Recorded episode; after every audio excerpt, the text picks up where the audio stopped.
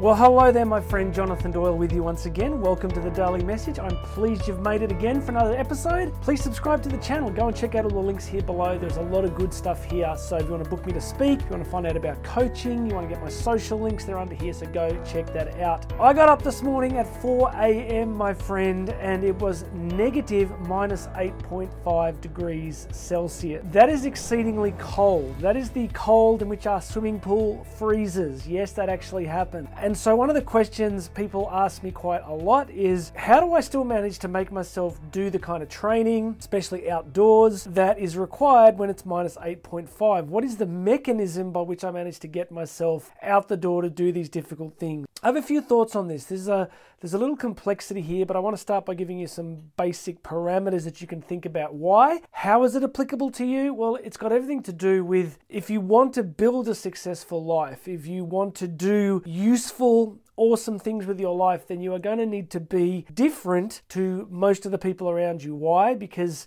well, quite simply, it's the old mantra that if you do what everybody else does, then you are going to get what everybody else gets. There's roughly seven and a half billion people here on the planet, and most people are going to get pretty similar results. Now, Obviously, there's different social and economic advantages and disadvantages in different places. I don't discount that. But most people are going to pretty much stay within the parameters of what's possible for them. That is not a judgment. That is not saying one group of people are better than others. It's just an observable fact of human history. If you're watching this kind of channel, if you're interested in the kind of content I do, then we're not trying to be in that group. We're not saying we're better. We're just saying that for whatever complex reasons of our personal evolution, growth, and development, we want a little bit more out of life. So I want you to start from this parameter that if you want better results, then you just look at what everybody else is doing and don't do that. Most people are, you know, sitting on the metaphorical couch of life, not experiencing the richness and possibility that life has to offer. That's fine. You're not responsible for everybody else's choices, you're only responsible for your own.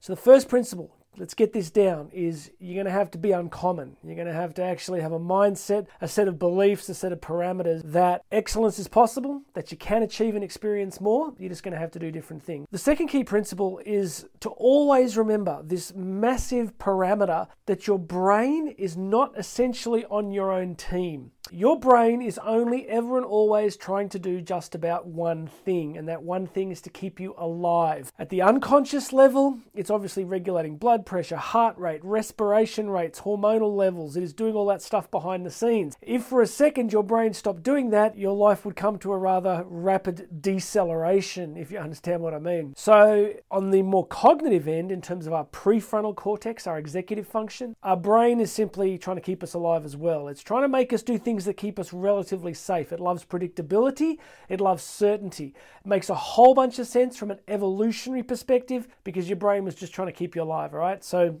as many speakers will remind you, the problem we have today, of course, is that the threats that our brains evolved to protect us from have pretty much vanished. We now have all these sort of theoretical threats, if you like stress, paying the bills, career, family, kids, parenting, all that stuff become theoretical threats. So often when it comes to doing difficult, challenging things, doing things outside the routine, your brain's always going to hold you back. A classic example this morning is like trying to get out there at minus 8.5 when my brain is telling me a story. And friends, I'm just like you. My brain's telling me the same story. It's like, it's ridiculous. Why'd you go outside? Why would you do that? Why'd you stay inside? It's so warm. And so I just want to give you what I actually do. It's taken me to the age of 49. Yes, thank you. I know I look about 25. I appreciate it. God bless you. But it's taken me to this age now to realize that I just don't listen to my brain a great deal. I do listen to it if I'm specifically deliberately going into real strategic decision making or meditation, prayer, spirituality, introspection, then I do try and think and be present and listen. But when it comes to doing the kind of physical things that need to happen to build a successful life, you're rarely going to want to do it. Now, there'll be exceptions. Sometimes you'll feel pumped, you want to get out there and get amongst it, but so often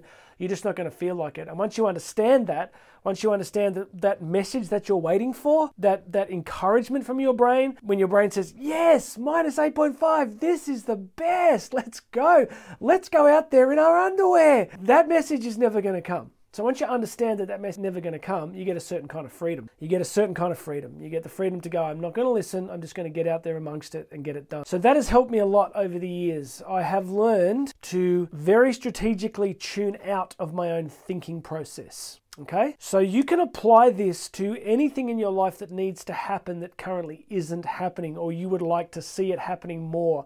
It could be a personal discipline, a physical discipline, a dietary discipline, a financial discipline, a relationship discipline, a spiritual discipline. You just have to start. I mean, Mel Robbins is great on this with the five second rule. She just gets it done. She just starts. You know, she's really clear that if you wait longer than about five seconds, your brain's going to talk you out of it. So, this is my message for you today. Whatever it is in your life that's important to you, whatever it is in your life that you really want to get done, don't wait for the feeling. Don't wait for the brain to fully agree with you. Just start. Take that first step of activity and action. Once you do that, you get momentum. Once you get momentum, you get confidence. Once you get confidence, you can rinse and repeat. All right?